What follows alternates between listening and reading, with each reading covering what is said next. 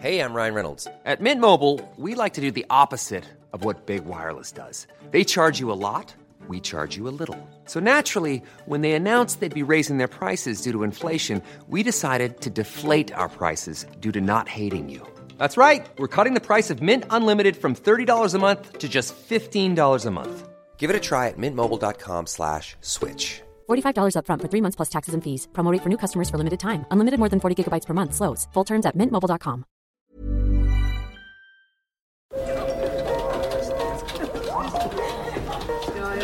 Dette er lyden av norsk næringsliv. Akkurat nå tas det små og store valg som kan bli avgjørende for fremtiden. Med økonomisystemet X-Leger tas disse beslutningene basert på informasjon i sanntid, slik at drømmer og ambisjoner kan bli virkelighet. Få kontroll og oversikt. Gå inn på xledger.no. Denne sendingen er sponset av Xleger.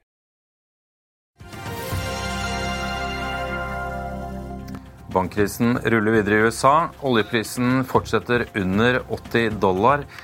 Og det er litt dårlig nytt fra en norsk lakseoppdretter. Det er 2. mai, og dette er Børsmål.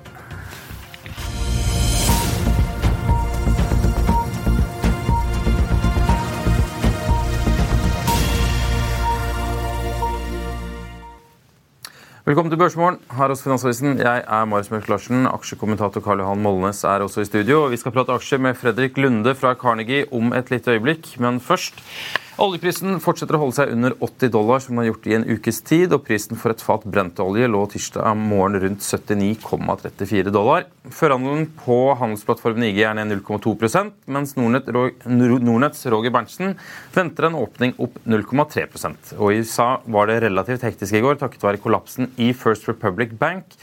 Men de ledende indeksene kom, ned, kom inn ned mellom 0,05 og 0,11% Spesielt spennende var det heller ikke i Asia. Eh, men Hang, Hang Seng i Hongkong steg 0,1% etter at Hongkongs økonomiske vekst steg 2,7% i første kvartal.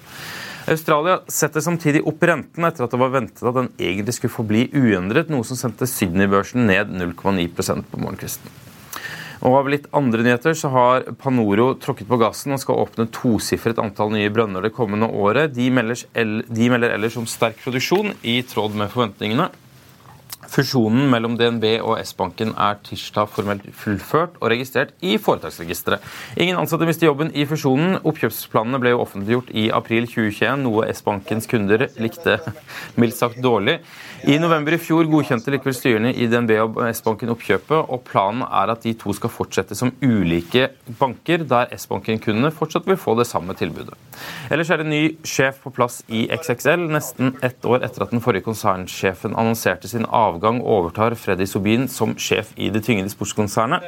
Sobin kommer til et sportskonsern som sliter i motbakke. Kombinasjonen av høye varelagre og fallende etterspørsel har påført XXL store tap, og i første kvartal tapte selskapet 200 184 millioner kroner før skatt.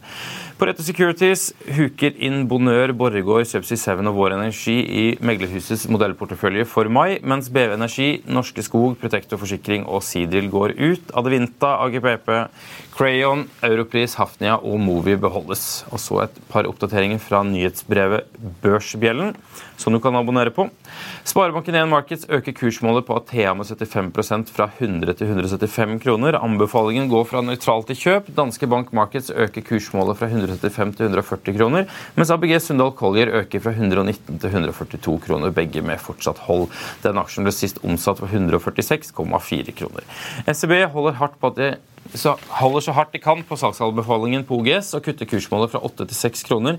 Det skjer etter at Carnegie fredag gikk til kjøp med et uendret kursmål på 10 kroner.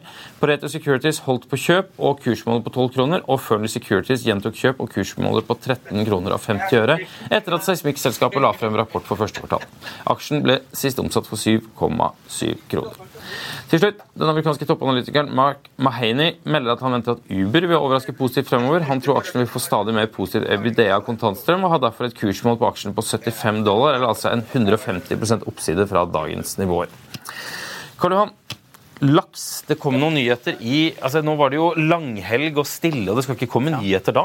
Nei, men uh, Salmon Evolution gjorde jo noe som er bra for aksjonæren. da De venta til måneden var over uh, med å komme med profittvarningen, slik at uh, alle de som tegna på emisjonen, ikke plutselig fikk en, en kursreaksjon ned rett etter de har kjøpt. da. Så, så, kan man jo spørre om de har visst dette på forhånd. og Det har jo gått rykter om at det er jo ikke ja, det, har, det er jo ikke så lett å produsere dette her som det er eh, å produsere i en mer. Så, men det første vi får testen på i dag, det er hvor mange kortsiktige aksjonærer som tegner i emisjonen. Så de vil selge.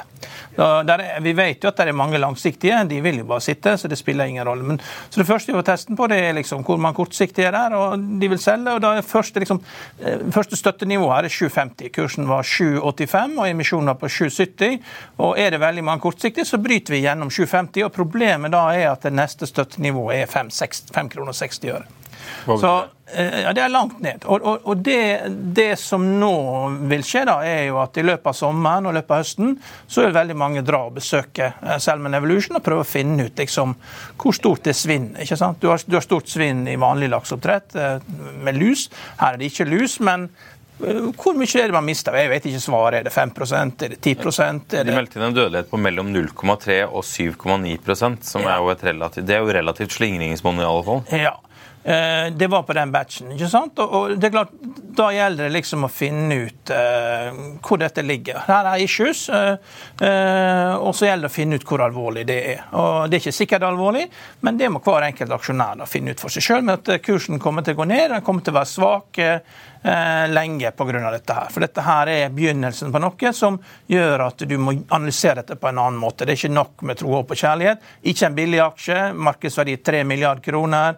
Eh, PE 37 for neste år, før man tar ned estimatene. Så eh, det det kommer til å bli trått herfra eh, en god, stund framover. Ja, det virker som det har vært trått generelt å få til landbasert eh, oppdrett. i til, For noen år siden så hadde du disse, når du hadde disse utviklingskonsesjonene, så hadde du også en, en veldig, veldig trykk på på landbasert oppdrett. Ja. Og siden så har det liksom ikke klart å løsne helt, virker det som. Nei, men det, du ser jo eh, egget da, som vi hadde her inne. De har jo sagt at de skal produsere det de kaller postsmolt, sånn superstorsmolt i en kilos laks. da.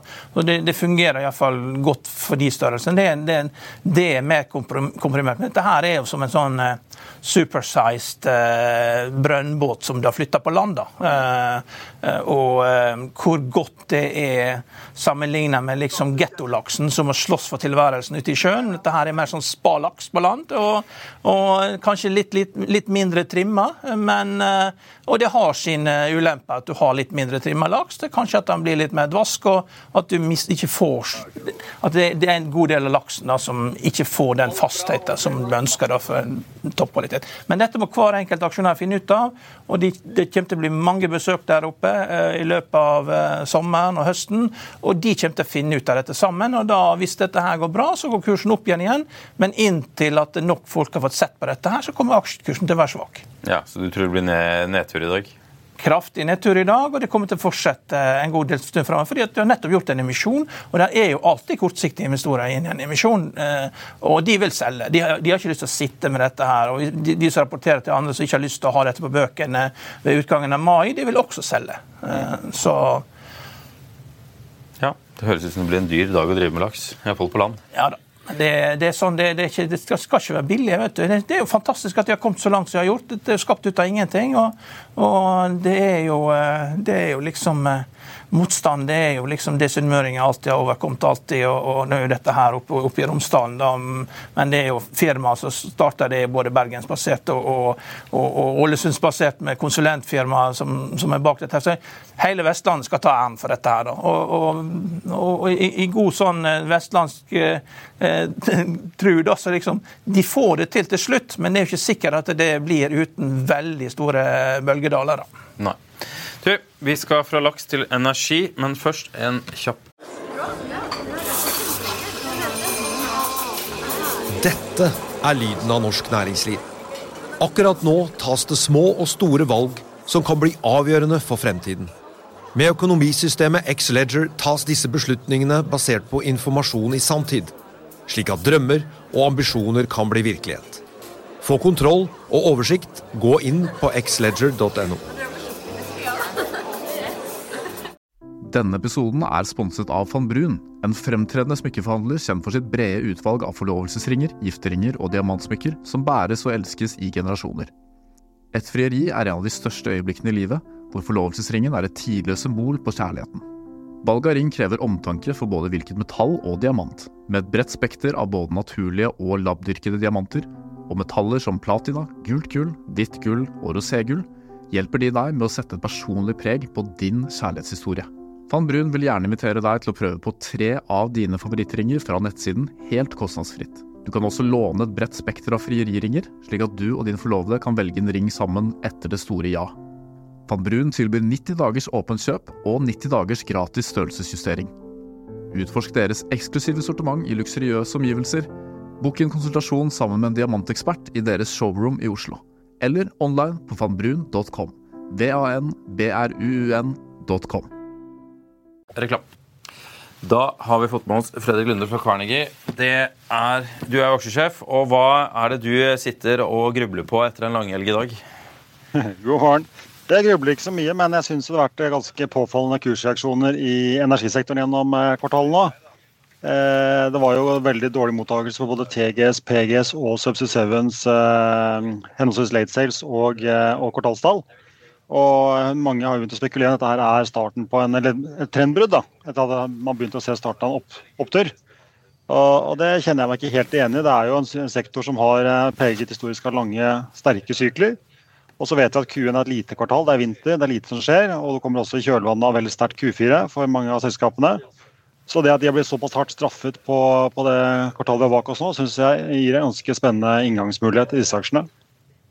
Ja, hva er det som, eh, som, skjer egentlig nå? Nei, Hvis vi zoomer litt ut, setter oss helikopter og ser hva skjedde i første kvartal, så er det egentlig at Aker BP, og Shell eh, fant ut at de skulle drive med olje likevel, etter at de hadde gått veldig hardt ut i, i retning av det grønne skiftet. Og, og, de melder seg på, betyr jo at det er mye investeringer som skal inn i, inn i sektoren igjen. Det er på det eneste store endringen jeg har sett gjennom kvartalet som, uh, som er relevant for leverandørene, og det er jo klart positivt. Eh, så det som har skjedd i Q-en, er vel egentlig som jeg sier, at det er vinterkvartal, det er lite kvartal. Eh, litt utsettelser, litt tilfeldigheter på hver. Eh, kanskje noen kunder som kjøpte litt mye i fjerde kvartal, holder igjen litt i første kvartal. Den type ting. Det slår mye prosent i et lite kvartal. Og så er det skremt investorene etter at kursene gikk veldig sterkt inn i, inn i vinteren. Mm. Så du setter, ser dette som positive signaler, med andre ord? Ja, det fundamentale har i min bok klart positiv retning. Ja. Du har jo vært eh, ganske energipositiv gjennom eh, vinteren også, har du ikke det? Har det. Det er ikke tråd.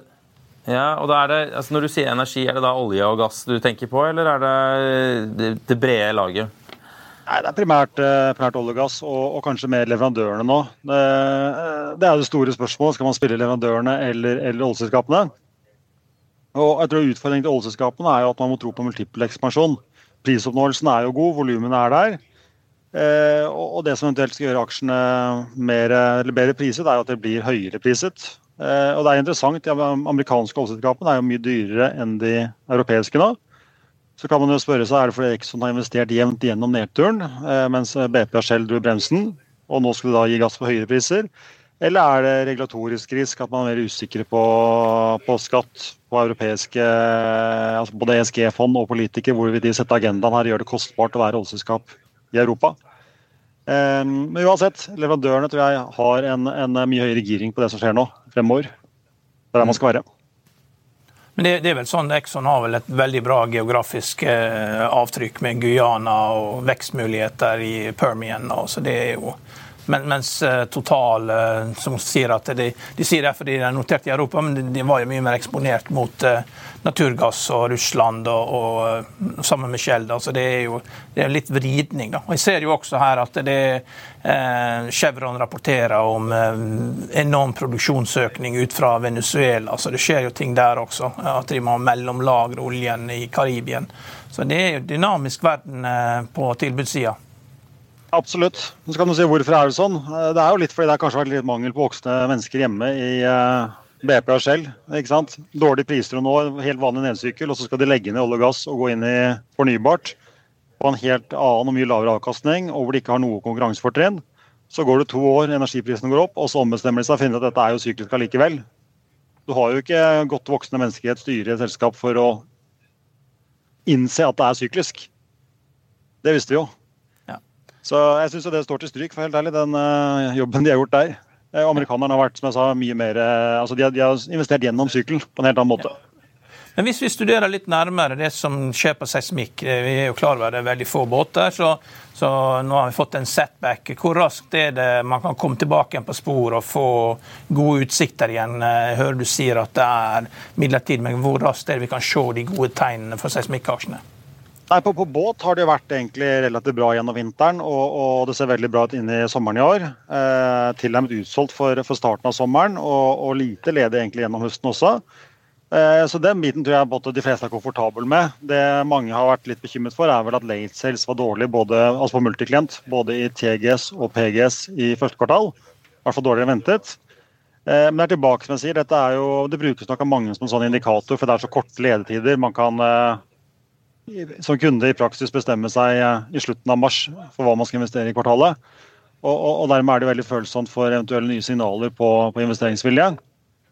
Men, men, som jeg sa, eh, fjerde kvartal var kjempebra. Første kvartal var, var, dårligere. Men det er et lite kvartal. Mange har brukt eh, mye av budsjettene sine i fjerde kvartal. Man hadde mye, kjøpte inn mye data, leteavdelingene hadde mye å jobbe med hos kundene. Og så har man rett og slett ikke vært eh, helt i modus til å kjøpe like mye i, i første kvartal. Og, og, og, etter hva jeg forstår, så var det egentlig Man trodde på et bra kvartal helt til godt ute i mars, og så begynte man å se at det her bremser opp litt. Igjen. Jeg tror det er tilfeldigheter, sånn har det vært mange ganger før. Men det, det, Euronext Growth de offentliggjør jo hvilke selskaper de har på ventelisten for børs. De sier at ok, nå skal de følgende åtte selskapene de skal nå til eh, Düsseldorf eller hvor det var på seminar for å lære, eller det Luxembourg eller hvor det var, for å lære hvordan det går på børs. Et av de selskapene var jo Sanko, som har uh, seismikkbåter. Uh, er det rådgiver for de som ikke kan si noe, eller er det, er det, er det, kan, du, kan du si noe om, hvis du ikke var rådgiver, hvordan det ligger an for, generelt for den type selskaper som er på børs nå? Eh, meg bekjent er jeg ikke rådgiver, så da står jeg vel fritt til å si hva jeg vil. Ja, ja. Det, nei, jeg, jeg, tror jo, skal jeg si, Vi har jo sett at det er eh, en god interesse for sektoren, og, og vesentlig mye bedre enn det var bare på sensommeren i fjor. Eh, men så er det vel fair å si at det er ikke helt den dybden man har sett i andre markeder. Det har jo vært preget, altså Investorinteressen har vært mye preget av, av norske penger, litt opportunistiske hedgefond osv. Det er ikke den brede, dype interessen du ser på en del andre, andre sektorer. Eh, og det gjør vel at det sannsynligvis i første runde blir litt mindre eller mellomstore noteringer. Men eh, jeg ble fortalt en gang i London av en investor som var litt lunken på seismikk, at det fins jo uh, uendelig med kapital på Oslo Børs til å finansiere seismikkselskaper. Så det får vi vel håpe at det er tilfellet fremdeles. Du, du, var en tur i studio her i eh, eller du var med i sendingen i januar. og Da snakka du om at denne resesjonen den eh, la vente på seg, og nå trodde du at det kanskje ble en myk landing. Hva, hvor er du nå, tre måneder senere? Nei, Jeg syns det har stått seg greit. Det har jo vært eh, vesentlig bedre kvartalstall i første kvartal i Norden enn, enn ventet. Nå er ikke tallet helt i pannebraskene, men, men altså, det har vært mye bedre resultater jevnt over eh, i hele Norden. Eh, og, eh, og, jeg tror jo det vi har sett av svakhet, har vært de konsumorienterte selskapene. Eh, konsumentene kjenner jo åpenbart rentene opp, energikostnadene tikker videre opp. Det koster. Men, men, men ellers er selskapet flinke til å, å, å, justere seg, vri kostnader ned og tilpasse seg. Og så er det også litt gøy med selskaper sånn som jeg trakk frem sist Essity bl.a. som leverer noe så kjedelig som tørkepapir og toalettpapir og andre hygieneprodukter. Det er produkter man må ha uansett. Eh, de har slitt voldsomt i et par år nå med høye energikostnader, høye pulpkostnader, høye fraktkostnader. Og så har de da dratt opp prisene løpende. Men det er etterslep i prisøkningene deres til kunde. Og når nå deres kostnader kommer ned, altså fraktratene er jo kraftig ned, eh, pulpprisene er kraftig ned, og, og energikostnadene kommer ned, og, og, de da samtidig har rekordhøye priser ut til konsument, så blir jo det en ganske eh, heftig miks i et selskap som egentlig ikke skal være syklisk heller. Eh, så den har blitt eh, brukbart belønnet, men, det er jo en type sektor man kan eie selv om man skulle tro på en litt hard landing der ute. Ja, det er jo typisk en, eh, altså Folk skal fortsatt ha dopapir og, og tørkerull selv om, selv om, børsen faller. Men hvordan har det, hvordan, altså De leverte jo ganske sterke, eller relativt gode tall nå etter første kvartal, men uh, rett og slett basert på at kosten har begynt å komme ned. Men Vil de klare å opprettholde den prisveksten de har, eller er de, er de på stabile nok nivåer nå til at, at, det kun handler om kostnadskutt? Nei, Det er spennende, fordi hvis du ser historikken, så har de hatt en, en eh, ganske god marginekspansjon i mange år. Og så var det et sånn eh, bump in road på godt norsk i, i, i 2020-2021 pga. disse kostnadene som kom veldig fort. Og de kan som jeg sier, kompensere for kostnadene, men tar litt tid. Og Det spennende nå som kostnadene kommer ned, er om de kan overskyte kraftig på historiske marginer og komme godt inn over disse 13-14% som de var eh, på vei til nå, da, før, før kostnadene gikk, gikk i. Så aksjen priser ganske moderat, PE13. Eh, de allerede kommet opp i, på forventningene for i år, er jo all time high earnings, egentlig. EPS på, som overgår hvor de var i 2020. Så spørs det om vi ikke skal over denne historiske trendlinjen da, på at som jeg sier, de nå får ganske lave kostnader, samtidig som prisene deres ut er rekordhøye. Mm. De er jo i gang med et oppkjøp i Kina også, er det ikke det? De vurderer strategiske muligheter, så det går vel heller mot et salg, eh, hvis man skal tolke den ut av den overskriften, tror jeg. Ja, ok. Det blir jo interessant. Det er jo der de har hatt høyest vekst, men også kanskje hatt eh, litt mer utfordringer med å få priset det. Eh, det viktige er kanskje ikke hva de selger, men heller hva de eventuelt bruker pengene på. Og om de klarer å kjøpe noe innvandrende eller noe som markedet liker bedre. da. Hvordan, eh, det jo, dette er jo ikke den eneste nordiske aksjen du liker. Du har jo også snakket om eh, Du nevnte svensk stål her. De som ja. er mest kjent de siste årene for å skulle drive med fossilfritt eh, jern eller stål. Hva, hva, hva tiltrekker deg til denne aksjen? Nei, Jeg tror markedet har uh, tatt veldig lett på det strukturelle her. Uh, jeg har forsøkt å grave litt i det selv. Jeg er ikke stål, stålekspert. Men vi ser det grønne skiftet krever fryktelig mye mer stål enn en tilsvarende energi produsert fra olje og gass. Så det er jo noe som driver ståletterspørselen strukturelt. Uh, prisene altså på stål har vært veldig høye de siste årene. På tross av litt sånn grumsete makro, på tross av at bilmarkedet har ligget nede, har lave produksjonsvolumer. Og det er en stor etterspørselsdriver. Og det kommer ingen kapasitet inn av betydning i Europa. Eh, og når du da kan kjøpe en sånn aksje på EV-EBIT under fire, eh, det er på estimater som tilsier halvering av resultatet fra i fjor, altså EBDA, ganske konservative estimater. Eh, de har nesten en fjerdedel av market cap i netto cash, og det kommer ingen kapasitet inn. Så er det vanvittig liten fremtidstro da, i aksjen. Og et selskap som sier god markedsposisjon, de har grønt stål. Eh, det er vel en litt sånn eh, todelte mening om det, for det vanner jo ut eh, kontantstrømmen til aksjonærene. Men det kan jo gi dem en veldig sterk posisjon på sikt. Og så er det en liten joker her, og det er jo dette med importtoll. I USA så ble det jo importtoll på stål under Trump. Og det løfter jo prisene i amerikanske markedet umiddelbart, tilsvarende tollen. Og dette er ikke noe som er på trappene meg bekjent, men det er jo ikke usannsynlig at Europa lefler med samme tanker, når du ser situasjonen med eh, Kina som en, kanskje mer en konkurrent enn en, enn en stabil leverandør. Eh, Kina produserer masse stål, de bruker jo veldig mye kull.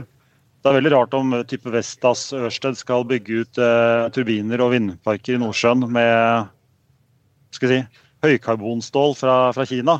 Det blir ikke så mye grønt skifte av det. Så at eh, politikerne da vil tvinge eh, europeisk industri til å bruke mer europeisk og presumptivt grønnere stål da, gjennom straffetoll eller andre mekanismer, det er jo noe som vil løfte marginene betydelig. Så Du er skeptisk til, eh, til, til, til olje- og gasselskaper som lefler med det grønne skiftet, men du vil gjerne ha stålselskaper som, eh, som går den veien? Gjerne leverandørene som kan tjene penger på det. Ja. Så det grønne skiftet er ikke over, du vil bare ikke at oljeselskapene driver med det? Nei, det er fint å gjøre det man kan, da. Og ja. bruke kalkulatoren, ikke bare følelser. Det er jo noe når du har 4% avkastning på, på, vindparker og 40% på olje og gass, og du kan bygge ut olje og gass, du har dårlig historikk eller ingen historikk på vind, så er det rart å putte pengene i det du har 4% avkastning på. Ja. Apropos det helt til slutt. Jeg, vi var jo inne på det her nå at, at oljeprisen er jo nå nede under 80 dollar. og Der har den holdt seg en stund. Hvor tror du oljeprisen skal den nå? Det er et godt spørsmål. Eh, vi ser jo egentlig et underliggende ganske bra marked, og så er det mye finansielle aktører som, eh, som, snakker, som spekulerer i den resesjonen vi snakket om i sted. Eh, så mitt beste er at dette holder seg sånn brukbart rundt disse nivåene. Per Ludde, tusen takk for at du var med oss på, eh, på morgensendingen. Vi snakkes. Takk skal dere ha. Før vi går videre, så skal jeg bare ta med kjapt at uh, Salmon Evolution den uh, har allerede begynt å tryne. Den er ned 11% Så uh, det, du fikk helt rett der, at dette blir en, blitt en tung dag for, for land, landbasert laks. Andre ting som er tungt Vi var jo det begynner å høres ut som en sånn Star Wars-saga når, når, imperiet nå har overtatt First Republic Bank. Men det har, det har vært en ganske vanskelig bankhelg. Vel, eh, de, de, må jo liksom eh, dele det opp, da. Eh, de har jo utsatt dette. De har jo visst det kom. kom da, så De fikk jo et nødinnskudd på 30 milliarder dollar da, for å for å liksom ikke få den for nær opp til Silicon Valley Bank da, for en to-tre uker siden. Så man visste jo at dette kom. Og nå ender det opp hos JP Morgan med forventa liksom, tap på eh, liksom, sikringsfondet på 13 milliarder dollar. Men det, det, er jo bare et estimat. Eh, det er sånn, eh, det er sånn tapsdeling da, på lån på både commercial mortgages og sånn house mortgages på neste 57 åra. Og de tapene som ligger der, de kan jo fort bli borte hvis man får en nedgangskonjunktur og rentene stuper. Så eh, det er jo det som er kanskje planen her. At det, er det som gjør Berger sikringsfond til slutt. Men det er 200 andre lignende sånn community banks, det er de aller minste, og eh, inkluderer også noen av regional banks. Og Charles Schwab, også den store meglerforretninga, har også problemer med at eh, de teknisk sett har negativ egenkapital hvis at du måler ting mark to market. Da. Men det slipper man jo å gjøre. Mm. Recap litt her, fordi nå så Jamie Diamond var ute eh, i forbindelse med at de overtar dette, eh, dette bank, bankhavariet, og sa at dette, nå er uroen over for denne gang. Ja, det er jo riktig at det er over for, for den banken. da. Men eh, det er jo flere banker som har samme problemene. Ja, for det har vært noen banker nå. Det, det begynte jo egentlig med, med krypto og hele greia. Ja, det begynte med FTX. da, At man, eh, FTX eh, gikk over ende. Og da fikk man også tatt hull på Silvergate og Signature Bank, de to kryptobankene i LA og, og i New York. Og så velta det da over til venturemiljøet med Silicon Valley Bank og også First Republic, da, som er en venturebank. da, og det, det, har vært eh, drevet eh, som no tomorrow. altså Det er full gass. og det, har, det, har, det er ikke noe sånn vanlig bankdrift, dette her. Men, men, men, det som gjenstår, er jo da, det er jo eiendomskrisen. da, At du har real estate. Eh, det er altfor stor ledighet på, på kontorer og kontorbygg. Og veldig mye av det ligger jo også på de, eh, på de mellomstore bankene da, rundt omkring i USA. Ja, for når det begynte, så virka dette mest å være en slags tech-krise med da eh, krypto først. Ja. Men så har jo tech-selskapene i fall gjennom første kvartal levert ganske bra. Og eh, jo, men det, Silicon Valley Bank gikk jo konkurs 17. mars, liksom, så det var jo midt inni dette. her. Og det er klart, Alle disse ventureselskapene som har fått penger til å etablere software a service-selskaper, de reduserer jo etterspørselen sin. Og så det, det, har jo effekt, dette her, på hele universet. Og du så jo hva som skjedde når Amazon hadde sin conference call, og du gikk fra å være 12% 12-14 opp til å være 2% ned, og man begynte å fortelle at det her er det svakheter. Så eh, syklusen ruller sin gang, og eh, nå eh, kommer Federal Reserve til å sette opp renten igjen eh, i morgen. og De gjorde jo det samme, eh, jo det samme eh, sist gang, selv om de visste at eh, Silicon Valley Bank hadde problemer. Det ser man av referat som kom 14.2, at eh, en måned før Silicon Valley gikk konkurs, så visste de at de hadde problemer. og Likevel satte de opp renten i mellomtida. Federal Reserve har helt klart mål, de skal ha ned inflasjonen. Og den letteste måten å gjøre det på er å skape en nedgangskonjunktur. Eh, og det, det, kommer til å gjøre vondt, men da er du nødt til å skape en, et sjokk à la det du gjorde med Silicon Valley Bank. Da, at du, du må skape en, en uventa konkurs. Da. Er, og, og, hva det skal være, det vet jeg ikke, men, men eh, det, når Silicon Valley Bank gikk konkurs, så skapte det en endring i konsummønsteret til folk. At eh, man endrer konsummønsteret sitt, rett og slett. Og det, og det, det slår jo ut i hele økonomien. Ja, så du tror fortsatt det blir en resesjon? Vi er på vei til en hard landing, ja. Det er. Eh, og det første gang, Vi har aldri vært i en lignende situasjon. liksom Renten går fra 0 til 5% på to år. Det skulle jo bare mangle at man ikke merker det. Jeg tror det at eh, de fleste som følger med på kontiene sine, ser jo at det går mye mer penger ut til renter. og Da må jo det gå eh, det må jo, gå, det må jo bli mindre til andre ting. Og det er jo sånn økonomien fungerer. Mm. Det er jo interessant. Gjeldstaket, da? For nå har de jo varslet litt eh, nyheter der også? Ja, det er jo interessant. fordi eh, nå har datoen blitt flytta til 1.6. Og det blir rammet møte 9. mai. Eh, og det er klart, Man må jo følge med på de politikerne i Senatet som sitter på vippen. da. Manchin er jo en viktig mann der. da. Så det, det At det blir vedtatt i Kongressen, så er fullt planere, det er greit. Men nå skal det gjennom Senatet. da, og da blir det i siste minutt liksom, at man finner en deal. og Uh, han, jeg la jo merke til at han Manchin nå sier det at vi må jo se på Inflation Reduction Act. Der er jo deler av dette her som vi kan kutte tilbake igjen på. Da. Så hele fornybarsektoren blir da som en slags Hvis at han får det som han vil, da, så blir hele fornybarsektoren som en slags sånn fiscal policy. At du skrur av og på bremsen. Da. Uh, det blir som en slags det du, du I Norge så Eh, kaller man jo det for eh, finanspolitikk, da. Det er et dårlig navn. men det, eh, at du liksom, Og da, da får du virkelig en Inflation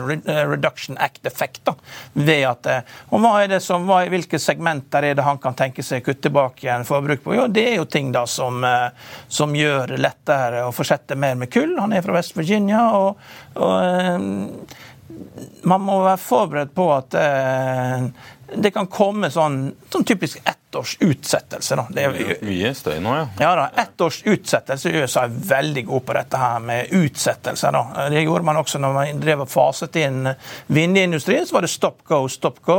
Og det drev jo investorene til vanvidd. Det er ingen grunn til at man ikke fortsetter med dette her. og eh, Det, det samme er jo med, med sol, solindustrien. Eh, replikanerne har jo vedtatt at de, de, de vil eh, ta bort i midlertidig forbud mot import av, av eh, sol, solutstyr fra Asia. Og, og, Biden sier det at det trenger ikke engang å ta det opp i Senatet. Det, eh, jeg kommer til å sette veto. Og Det betyr jo igjen da at eh, ok, til neste år når det går ut, så blir det nok et år da sannsynligvis med at man får lov til å importere solutstyr fra Sydøst-Asia.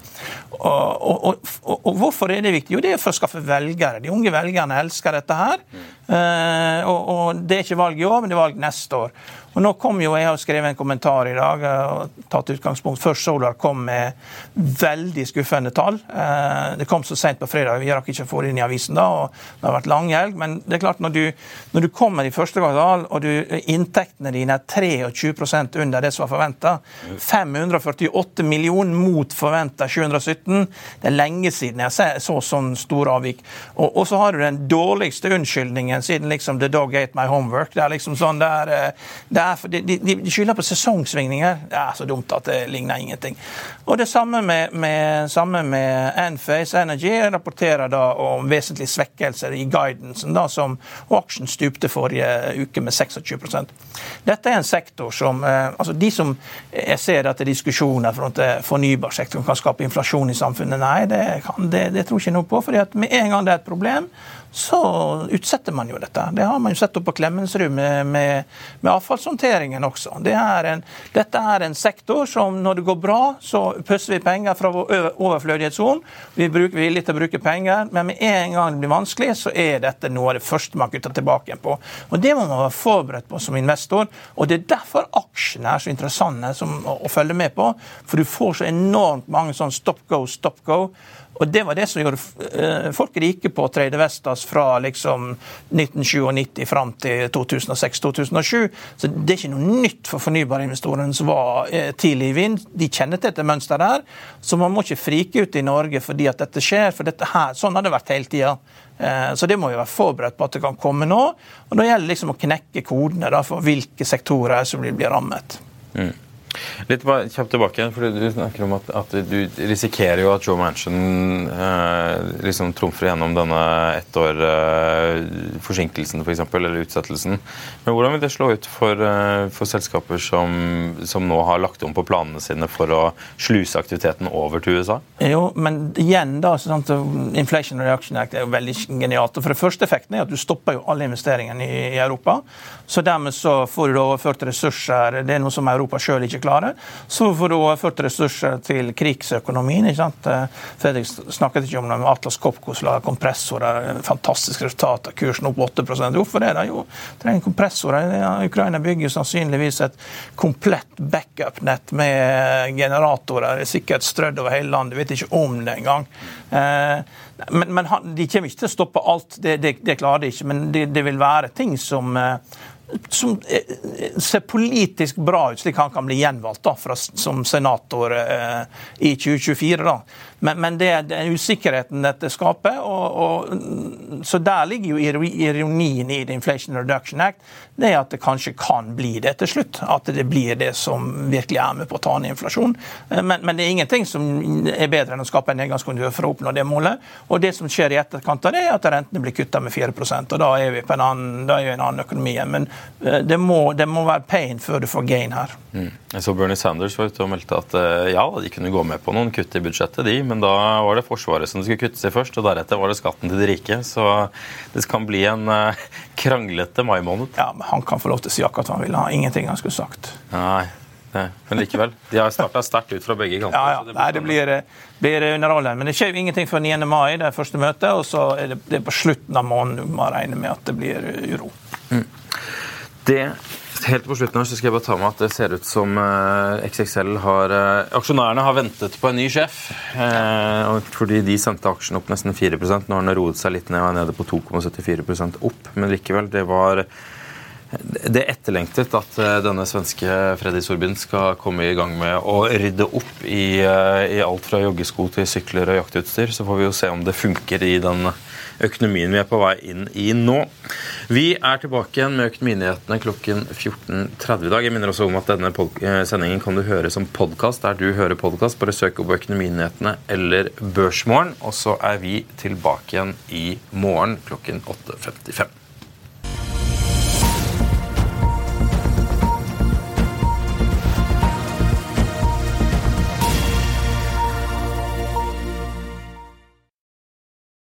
Denne sendingen er sponset av. Join us today during the Jeep Celebration event. Right now, get 20% below MSRP for an average of 15178 under MSRP on the purchase of a 2023 Jeep Grand Cherokee Overland 4xE or Summit 4xE. Not compatible with lease offers or with any other consumer incentive offers. 15,178 average based on 20% below average MSRP from all 2023 Grand Cherokee Overland 4xE and Summit 4xE models in dealer stock. Residency restrictions apply. Take retail delivery from dealer stock by 4-1. Jeep is a registered trademark. Økonominyhetene er en podkast og videoproduksjon fra Finansavisen. Programleder er Marius Lorentzen. Aksjekommentator er Karl Johan Molnes. Produsent er Bashar Johar. Podkast- og videoansvarlig er Marius Mørk Larsen. Og ansvarlig redaktør er Trygve Hegnar.